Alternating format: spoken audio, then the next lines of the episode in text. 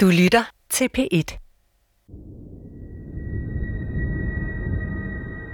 Vi er kommet langt. Der findes biler, der kan køre selv. Der findes raketter, der kan flyve rundt om jorden på halvanden time. Der findes 71 køn på Facebook, eller det gjorde der i hvert fald sidst jeg tjekkede. Og så findes der Kongehuset. En verden med kanelabre og guldkareter. En institution, hvor en konge eller en dronning har magten til at underkende folkets beslutninger. En familie uden de grundlæggende demokratiske rettigheder, vi andre har. Kort sagt, kongehuset er en anachronisme. Ifølge al logik skulle det have været afskaffet for længe siden. Men det er her endnu, og tre ud af fire danskere er tilhængere af det. Men hvordan kan det være, at noget så forældet som kongehuset kan eksistere i et moderne demokratisk samfund? I denne her podcast-serie i seks afsnit vil jeg prøve at forklare nogle af de ting ved kongehuset, der ikke umiddelbart giver mening. Derfor har jeg fundet frem til nogle af de mennesker, der ved allermest om fortidens konger og dronninger og deres rolle i vores allesammens Danmarks historie.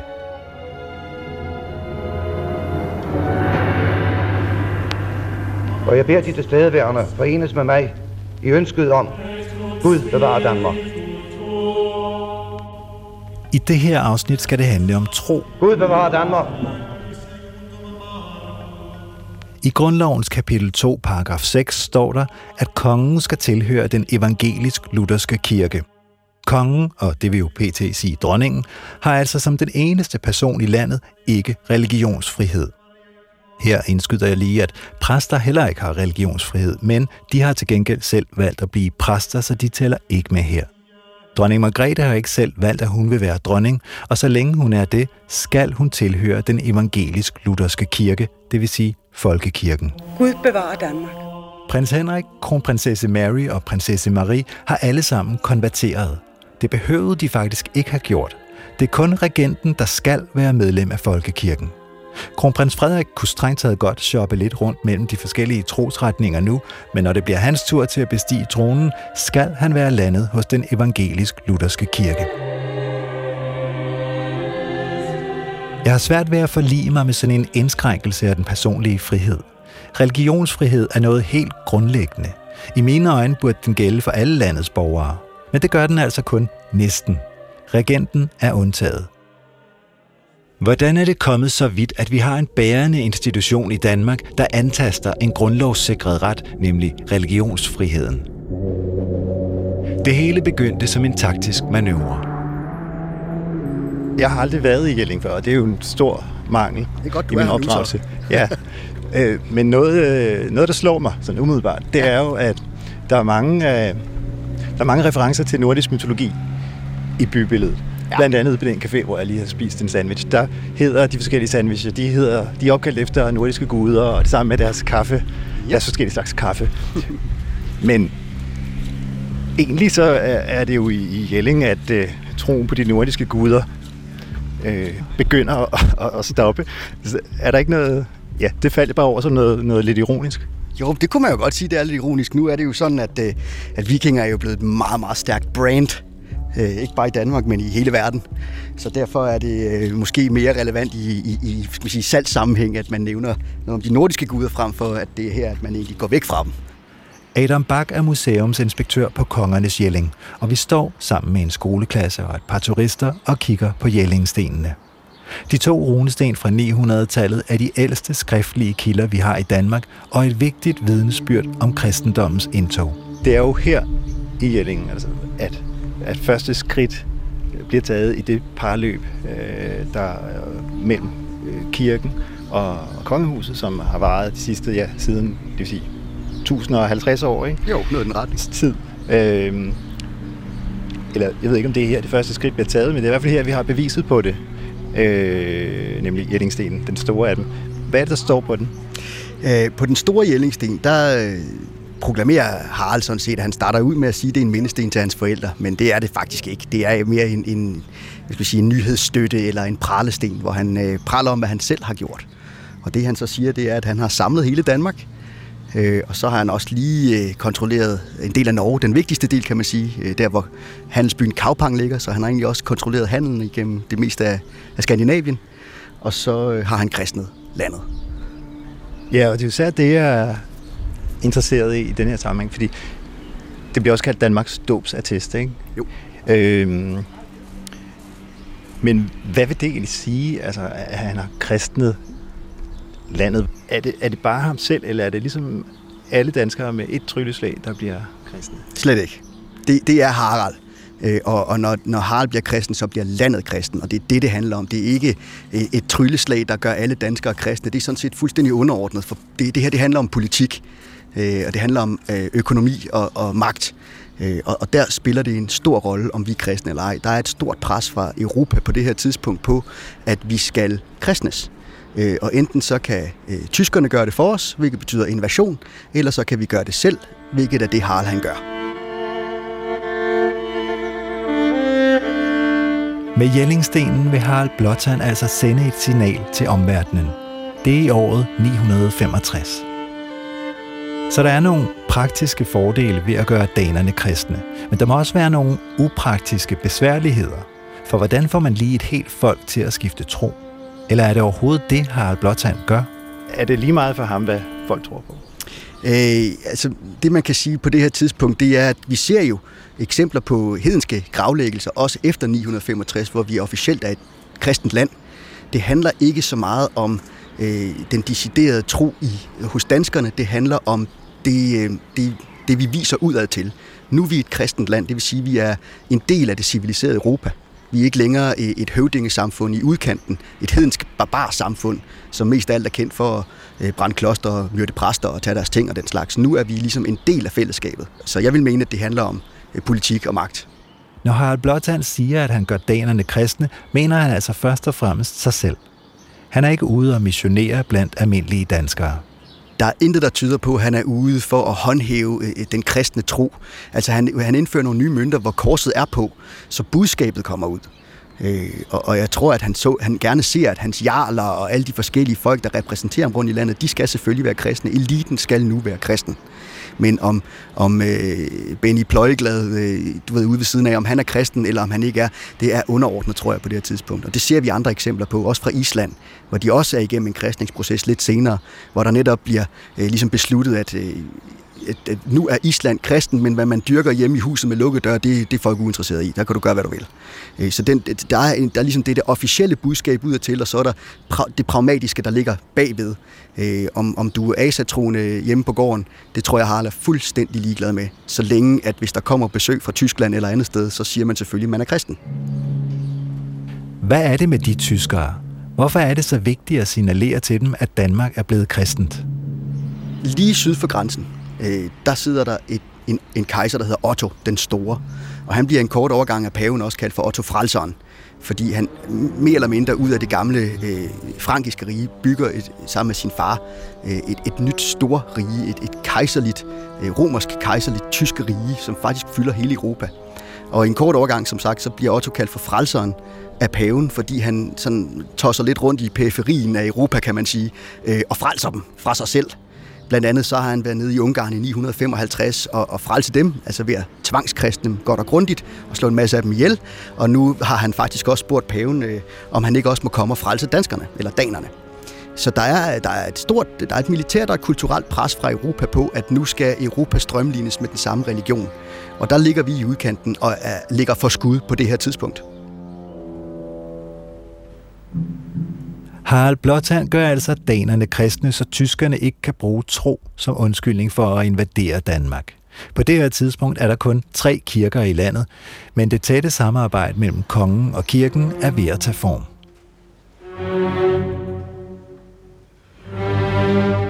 Det han gør for at, at netop at skabe en magtbase, der måske kan modstå det her tysk-romerske rige, det er, at han efterligner, hvordan de gør.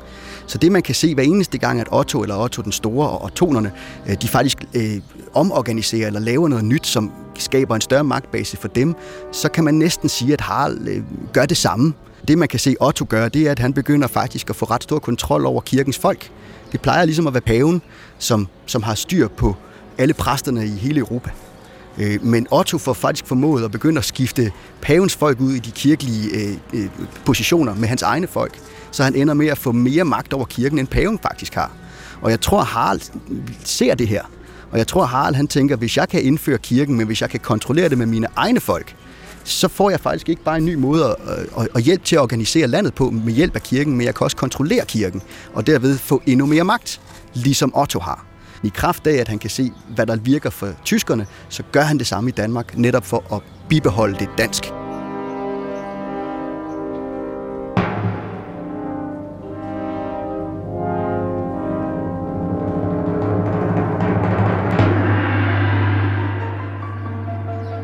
Det her det er et officielt startskud til en proces. Altså, der går flere hundrede år før, at, øh, altså, at for, for at Kristus er den eneste Gud, der er i landet. Men nu er processen officielt skudt i gang.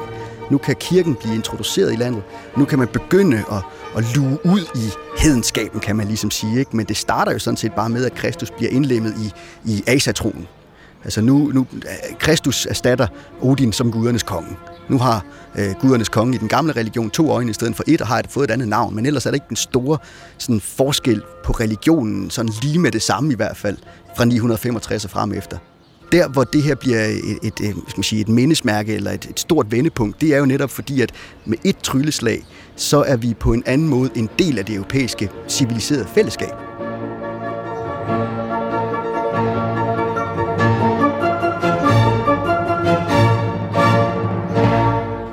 Så snarere end det har noget med religion at gøre, så er det måske mere, at vi melder os ind i et europæisk fællesskab. Det svarer måske mere til, at dengang vi meldte os ind i EF. Fuldstændig rigtigt. Jeg plejer at sige, at når vi bliver kristne i 965, så kommer vi med i datidens indre marked.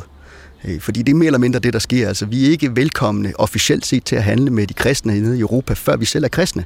Og det bliver vi altså i 965. Ja, det bliver vi så i 965 kristne. I hvert fald på papiret eller på runestenen, som jo var det, de skrev på dengang. Men hvad med i virkeligheden? Var det ren strategi, eller blev Harald Blåtand faktisk omvendt? Det kan jo være svært at finde ud af her mere end 1000 år senere, men ifølge myten skulle den være god nok. Der er en, en præst, der hedder Popo, som kommer op og, og overbeviser Harald om styrken ved den kristne Gud. Og det gør han ifølge historien ved, at Popo han øh, beviser Guds overmagt ved at beskytte Popo, når han går det, som bliver kaldt for jernbyrd, som er sådan en slags prøvelse, hvor øh, altså, den findes i forskellige udlægninger. Nogle gange går han med et glohed jernrør i hånden, og i en anden udgave, så får han en, en jernhandske, der er hedet op i ilden, og så går han altså hele vejen rundt om eller i kongsgården, igen afhængig af hvem man spørger, øh, og så kan han bagefter bevise, at han ikke har fået nogen brændevabler eller er blevet mærket på nogen måde, fordi at øh, den kristne Gud har beskyttet ham. Og, og det er ligesom så bevisførelsen, der overbeviser Harald om, at jamen, så må den kristne Gud være stærkere end mine egne, for jeg vil helt sikkert have brændt nallerne. Og så lader han sig døbe. Historien om Poppos jernbyrd lyder ikke særlig sandsynlig, og vi finder nok aldrig ud af, om Harald Blåtand var oprigtigt troende. Men det er sådan set også bare en detalje. Det han i hvert fald tror på, ifølge din tolkning, det er, at, øh, at, at det fremskridtet, altså at det er mm. den vej, vinden blæser. Ja, helt, helt bestemt, det vil jeg sige. Altså det, det handler, i det hele taget af mit indtryk af vikingetiden øh, inden for stort set alle aspekter, det er, at de er pragmatiske. Hvad kan jeg få ud af det her? Øh, det må være det, den optik, jeg vil mene, at man skal lægge ned over næsten alle de beslutninger, der bliver taget i vikingetiden. Øh, vi, vi har jo eksempler på øh, smede, der har i deres støbeforme, de kan både smide torsammer og kristne kors i den samme støbeform, fordi at det handler om udbud og efterspørgsel. Øh, vi kan sagtens se, øh, altså vi kan sagtens forestille os, at der har været vikinger, der har været begravet med begge dele, altså, fordi at man, det er bedre at være på den sikre side. I dag er både kristendommen og de nordiske guder stadig til stede i Jelling. Mit besøg er ved at være slut, men inden jeg går ned på caféen og køber en dobbelt freja til togturen, hylder Adam Bak Harald Blåtands pragmatisme en sidste gang. Nu, tusind år senere, er jeg ret stor fan af den måde, Harald han gebærder sig på, vil jeg sige. Han virker til at være øh, politisk bevidst, og han virker til at være velinformeret om, hvordan politisk, det politiske spil bliver spillet. Både når det handler inden for, inden for kirken, og også når det handler rent militært. Øh, så virker han til at vide, være vidende og være velinformeret. Øh, og er ret dygtig til at spille spillet. Jeg vil så sige, at hvis jeg havde levet, mens Harald han var konge, så havde jeg sgu nok også været en del af oprøret, der kommer. Øh, fordi han, han, han styrer jo med jernhånd i Danmark, og han indfører et ton af ændringer. Hele landet skal ændres, mens Harald han er konge. Det går fra hedensk høvdingesamfund til et samlet dansk kongerige med en centraliseret kongemagt, med en ny religion, nye mønter, øh, ny organisering, øh, nye skatter sandsynligvis også. Alting ændrer sig under Harald Blåtands tid. Han, han laver simpelthen grundlaget for, at vi inden for to generationer faktisk går hen og bliver til en supermagt i Europa øh, under hans barnebarn Knud den Store. Øh, så, så de ændringer, han indfører, de er enorme og fundamentale, og vi er påvirket af dem den dag i dag. Sådan kan man sige det. Øh, og blandt andet det, at vi er et kristent land, det er jo på grund af ham. Øh, det var nok sket under alle omstændigheder, men spørgsmålet så, om vi så havde snakket tysk alle sammen eller ej, det, det er sådan noget andet, ikke? Harald Blåtand gik forrest og lod sig på alle danskers vegne og af strategiske grunde døbe. Siden har vi været et kristent land, men det er jo et vidt begreb. For eksempel er det mit indtryk, at tro betyder meget for dronning Margrethe, mens kronprins Frederik nok, ligesom så mange andre, nærmere er det, vi kalder kulturkristen. Og det er der jo heller ikke noget ulovligt i, så længe han er medlem af Folkekirken.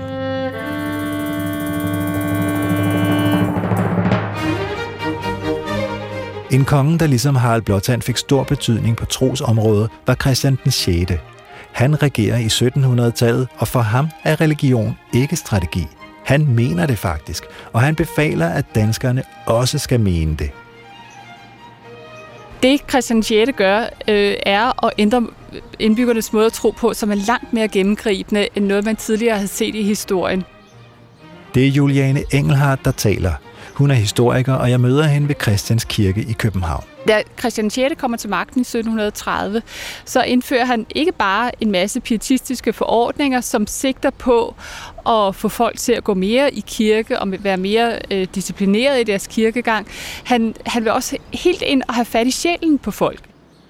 Han formaner dem øh, gennem sine præster og gennem konfirmationsforberedelsen, at alt, hvad det enkelte individ gør igennem hele øh, tilværelsen, i hver eneste aspekt af, af hverdagen, der skal man lade sig styre af, af, af den kristne tro.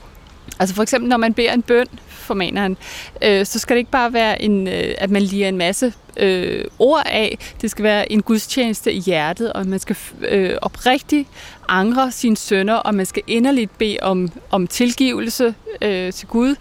Og, øh, og så skal man lade sig styre af troen. Christian den 6. er tilhænger af den retning inden for kristendommen, der kaldes pietisme. Og han er, sagt på en pæn måde, uhyre optaget af sin og danskernes tro. Han etablerer Generalkirkeinspektionskollegiet i 1737, som simpelthen skal holde øje med, hvordan præsterne prædiker. Øh, og, og inspektørerne i, øh, i kirkekollegiet øh, beder sovnepræsterne i de enkelte sovne over hele Danmark og Norge om at, at indsende deres prædikner, så inspektorerne kan holde øje med, at øh, præsterne øh, prædiker inderligt og, og byggeligt for, for sovnebørnene. Han gjorde også øh, konfirmationen obligatorisk i 1736. Unge mænd og kvinder skulle have konfirmationsforberedelse, hvor de så skulle læse øh, den pietistiske øh, katekismus, Sandhed til Gud frygtighed, som, som øh, Christian 6. også fik skrevet. Hvis troen skal være oprigtig og virkelig komme indenfra, så er det lidt mærkeligt med den øh, tunge konfirmation. Ja, det er det også. Altså man kan sige, i, i pietistisk optik, der er det bagvedliggende rationale, at hvis man tvinger folk i kirke og tvinger folk til, til at blive konfirmeret, så kommer kristendommen af sig selv, så bliver man gradvist opøvet til at være mere og mere sand øh, kristen. Jeg tror, de selv tror, at de starter en, en god og sund udvikling. ja, ja. Altså, de tvinger hesten hen til troet, ud fra en tanke om, at når den så står der, så vil den jo klart begynde at drikke ja. også. Pietismen er en strømning i tiden. Den kommer fra Tyskland, og det er også her Christian den 6. finder sin hustru, en fattig prinsesse, der er lige så intens troende som ham selv. Den måde Christian den 6. laver regler for folks tro, lyder måske lidt hysterisk, men det er jo bare fordi, det her er vigtigt for ham. Og måske er det også på tide at få sat lidt skik på kirken. Grunden til, at han, øh, altså Christian 6. mener, at den her vækkelse, øh, pietistiske vækkelse, er nødvendig, det er, at han simpelthen synes, at, at folk er for udisciplineret, og øh, mange af de pietistiske kilder, som, som klager over folks adfærd, der kan man se, at øh, altså, de beskriver en befolkning, som øh, møder op i kirken øh, og er fulde, og som slås foran kirken og går rundt i kirken under gudstjenesten og snakker med hinanden. Vi ved også fra andre samtidige kilder, at folk havde, altså de, de, de er ikke disciplineret på samme måde, som, som vi er i dag, for eksempel. Når man arbejdede, så, så, så arbejdede man ikke kontinuerligt og vedholdende. Man arbejdede lidt mere efter naturens tid, kan man sige. Det vil sige, man, man mødte på arbejde, når det, når det var godt vejr, og dagen igennem, så var arbejdet afløst af leg og spil, og man holdt karnevaler, og øh, man havde også et udtryk, som... Øh, både er kendt i Danmark, men også i øh, faktisk hele Nordeuropa. Et udtryk, som hedder Sankt Mandag. Og det, Sankt Mandag, det var, det var øh, bøndernes hvad skal man sige, måde at, at håndtere, at de kun havde en øh, ugenlig fridag. Altså, de havde jo kun søndagen som, øh, som eneste fridag, som, som var en hellig dag. Så øh, tit, når de havde været i kirke, og nogle gange også før de havde været i kirke, så, så, så drak de sig fulde og festede, og så, øh, og så brugte de mandagen på enten at drikke videre eller så rosen ud, ikke? På en måde synes jeg, at Sankt Mandag lyder som en meget god idé.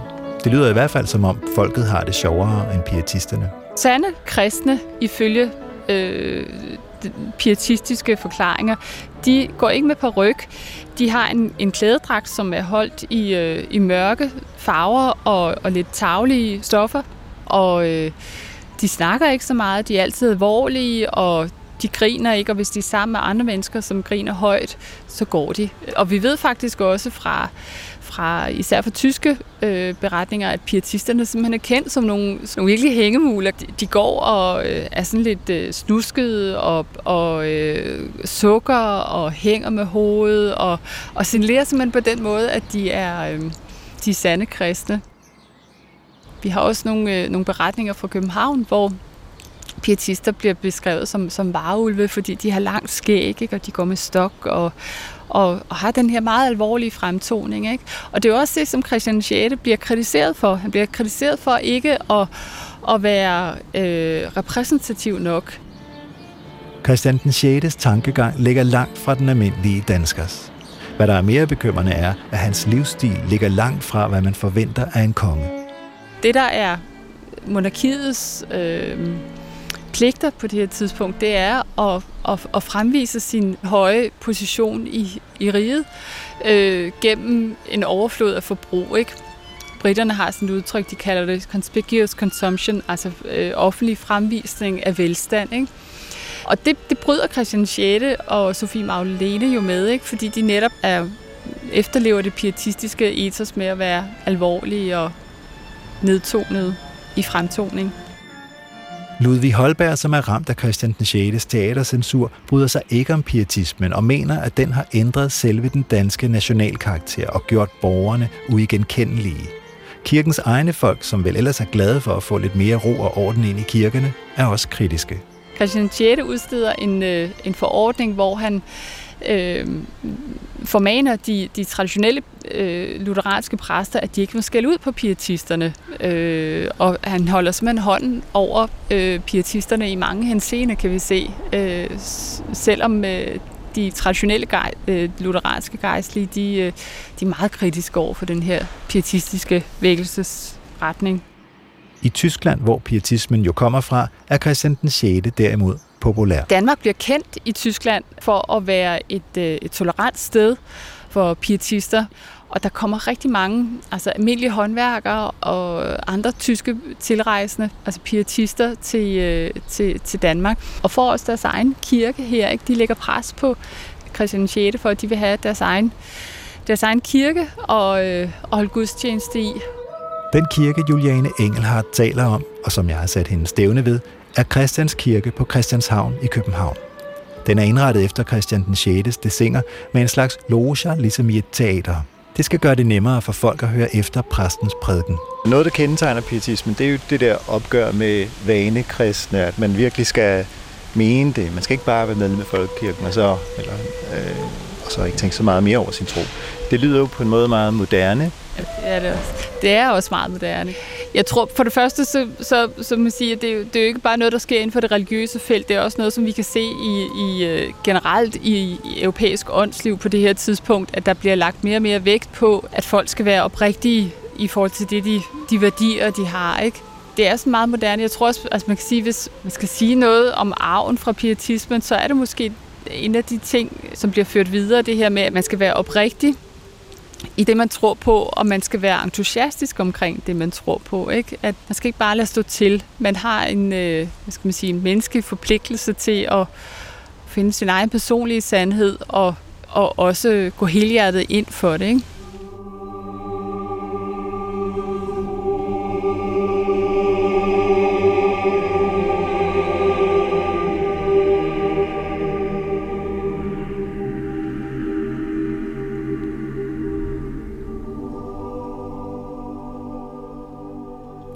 Christian den 6. fandt sin egen personlige sandhed, og han gik helhjertet ind for den, og forsøgte at tvinge sit folk til at gøre det samme. At han i farten glemte at opdrage sin søn Frederik den 5., der var en flittig gæst på byens værtshuse og bordeller, men som til gengæld blev en meget mere populær konge end sin far, er en anden historie. Vores historie om konger og kirker slutter her med en opfordring om, at du finder din egen personlige sandhed.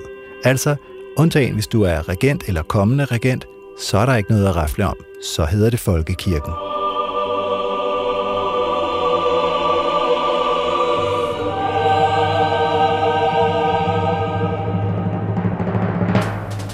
I næste afsnit skal det handle om krig. Kongehuset og militæret har altid været tæt forbundet, og danske konger har altid taget en militær uddannelse. Det gælder også kronprins Frederik, men hvorfor egentlig? Han bliver vel aldrig sendt i krig, og er en god konge nødvendigvis en god general, få svarene på det og meget mere i næste afsnit. Og det skal ende med den gamle hilsen. Gud bevarer Danmark. Gud bevarer Danmark.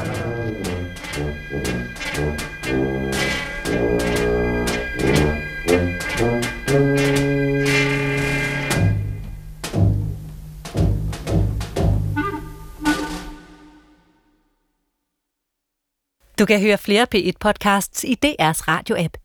Det giver mening.